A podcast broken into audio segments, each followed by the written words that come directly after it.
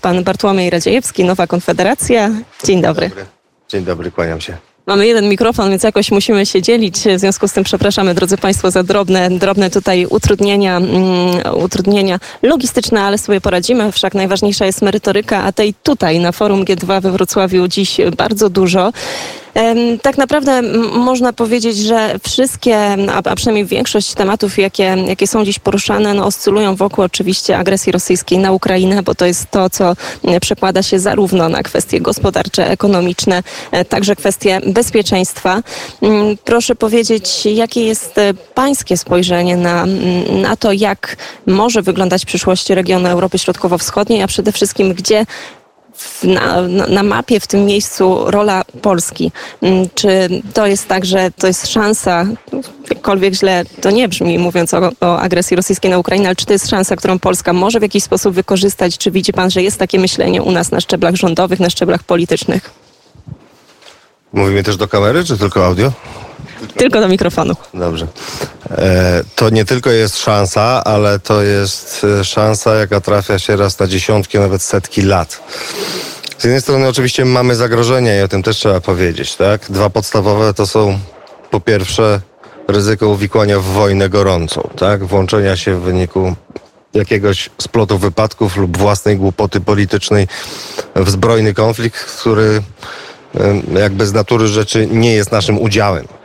Drugie to jest ryzyko destabilizacji sytuacji wewnętrznej w Polsce poprzez olbrzymią rzeszę uchodźców z Ukrainy, którzy Mm, mogą przekroczyć nasze zdolności ich absorpcji. Trzecie to są oczywiście, to jest cały szereg mm, turbulencji gospodarczych, które się wydarzają w związku z tą wojną i które e, dzisiaj trudno przewidzieć w jakim stopniu wpłyną negatywnie na naszą gospodarkę, no ale to jest o mniejszym znaczeniu.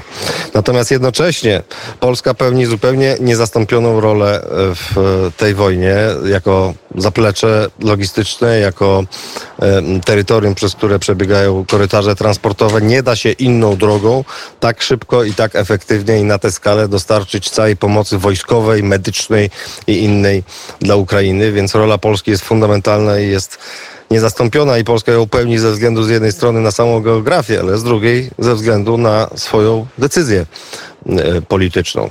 E, więc e, to już czyni historię, prawda? To czyni historię, czyni nas jej częścią, kształtujemy ją w ten sposób. Tak przygotowani, jak jesteśmy. Natomiast sądzę, że swoją drogą Polska generalnie, mając bardzo słabą klasę polityczną, dzisiaj ta klasa polityczna przekracza samą siebie. Jest gdzie powyżej swoich standardów i to dużo powyżej swoich standardów. No właśnie, bo kiedy myślimy o tej klasie politycznej, kiedy myślimy też o relacjach pomiędzy Polską a Unią Europejską, tym jak też wygląda nasze zaplecze, nasze podwórko polityczne, to pozostawia bardzo dużo e, do życzenia. Faktycznie, póki co chyba e, też e, zgodzę się z tym, że ten egzamin jakoś jest zdawany, no ale jeszcze tak naprawdę na razie mówimy tylko o planach. Mówimy o tym, jak mogłaby wyglądać odbudowa Ukrainy, o tym, że Polska będzie tutaj odgrywała kluczową rolę, tak jak pan wspomniał. Nie da się tego zrobić, nie wykorzystując naszej przestrzeni. No ale też pytanie, czy, czy Niemcy, czy Francja, czy te główne siły jednak w Unii Europejskiej tak łatwo sobie tę sprawę odpuszczą?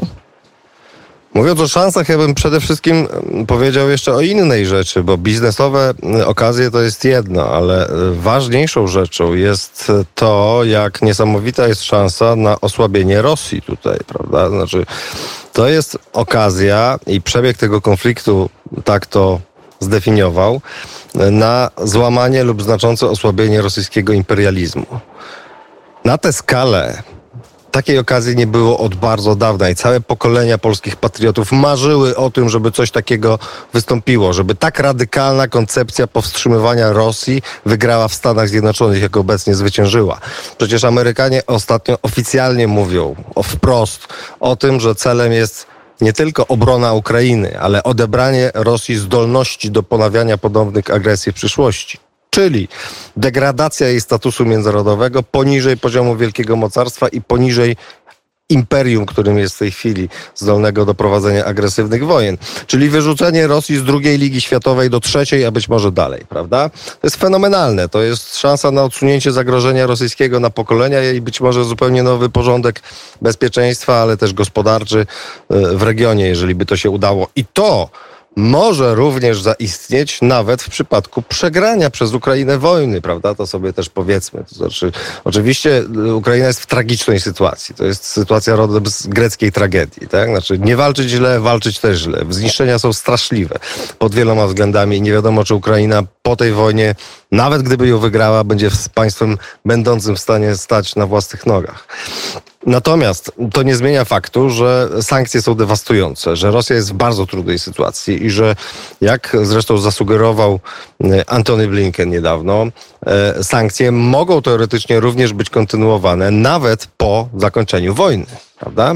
Bo to jest podwójna wojna. Jednym poziomem jest e, gorący konflikt rosyjsko-ukraiński, ale drugim jest zimna wojna zachodnio-rosyjska i one są ściśle powiązane, ale nie jest powiedziane, że muszą być zawsze ściśle powiązane i ta e, polityka amerykańska obecnie wobec Rosji jest rzeczą absolutnie fenomenalną z punktu widzenia polskiej racji stanu. No właśnie, bo te sankcje, jak spojrzymy faktycznie na działania Ameryki, e, są, są dosyć konkretne, ale jak już spojrzymy na Unię Europejską, no tutaj tej jedności tak do końca nie ma. Mamy co prawda szósty, szósty pakiet sankcji, ale mamy coraz więcej państw, które jednak się wyłamują. Mamy też system SWIFT, ale jednocześnie e, wykluczony z niego główny bank Rosji. Mamy też kwestię zapłaty w tych rublach. Była taka nadzieja i e, przynajmniej część polskich ekonomistów, ekonomistów zagranicznych mówiło o tym, że gospodarka rosyjska upadnie tak naprawdę w przeciągu kilku tygodni, a już na pewno po dwóch, po trzech miesiącach, no nie do końca to tak wygląda. Nie do końca to tak wygląda i znowu instytucje, wielkie instytucje finansowe nie popisały się prognozami ekonomicznymi i politycznymi, w tym takie jak Morgan Stanley czy Fitch. Ale to nie znaczy, że sankcje nie działają, tylko raczej należy to widzieć tak, jak sugeruje niezależna rosyjska ekonomistka Tatiana Michajłowa, czyli że sankcje nie są sprintem, lecz maratonem a więc z natury one nie mogą działać w krótkim terminie. Trzeba czasu, żeby ujawniły swoje konsekwencje. E, I ten czas zresztą już, te konsekwencje daje się już obserwować, prawda, po tygodniach, miesiącach. Rezerwy e, rosyjskie topnieją. Co więcej, znaczna część z nich, około połowa, jest w ogóle zablokowana w wyniku bana na transakcje walutowe. E, Ros, w Rosji następuje łamanie, rwanie łańcuchów produkcji, prawda? Więc cały szereg negatywnych turbulencji w rosyjskiej gospodarce jest widoczny. Natomiast Rosja dysponuje potężnymi też przewagami, atutami w tym całym sporze. To znaczy ma pewne asymetryczne przewagi, takie jak ogromna e, rola ogromnego eksportera e, surowców energetycznych, ale ma też pewną zbudowaną odporność gospodarczą, którą pracowicie, pieczołowicie tworzyła przez lata i w ogromne rezerwy. Niemniej one nie są nieskończone, one wystarczą na pewien czas. E, można szacować, ja daję wiarę tym prognozom, które mówią, że Rosja ma czas mniej więcej do września prawdopodobnie. Znaczy jest w stanie to wytrzymywać jeszcze jakiś czas, ale w pewnym momencie ten czas minie. I te sankcje są dewastujące, tylko muszą trwać odpowiednio długo. Co do tej jedności jeszcze, jeśli mogę, mogę się odnieść e, e, europejskiej. Będzie pan mógł, ja tylko przepraszam, mamy jeden mikrofon, więc pozwolę sobie teraz go na moment tylko mm, e, przejąć. Jest jeszcze, dokładnie tak, ale jest też jeszcze tak naprawdę potencjał ludzki i też coś być może, czego Zachód nie docenia w Rosji. Człowiek sowiecki nie jest człowiekiem Zachodu, który tak naprawdę bardzo ceni sobie takie jak wolność, demokrację, e, pewien rodzaj też już komfortu, wygody. E, Rosja jest zupełnie inna pod tym względem. Może my też nie bierzemy tego pod uwagę, czyli sankcje, brak wygód, które teraz dotykają Rosję, być może one tam będą przez duży, dużo dłużej e, znoszone niż byłoby to na przykład w Europie. Może tak być i pamiętamy Wielką Wojnę Ojczyźnianą i pamiętamy różne objawy rosyjskiego wielkiego poświęcenia dla celów narodowych, strategicznych, prawda? To jest ciekawy argument. Tylko, że no, z drugiej strony są pewne, jest pewna twarda rzeczywistość materialna, prawda? Jeżeli Rosji wyczerpią się rezerwy finansowe i traci zdolność na przykład podtrzymywania wartości rubla, ale też podtrzymywania stabilności giełdy, co czyni za pomocą tych rezerw od początku tego konfliktu, e, no to zbliży się do generalnego krachu gospodarczego. A generalny krach gospodarczy będzie oznaczał, Rosja zbankrutuje w tym momencie, tak? Nie w sensie technicznym, tylko w sensie pełnym. Straci zdolność płaty zobowiązań.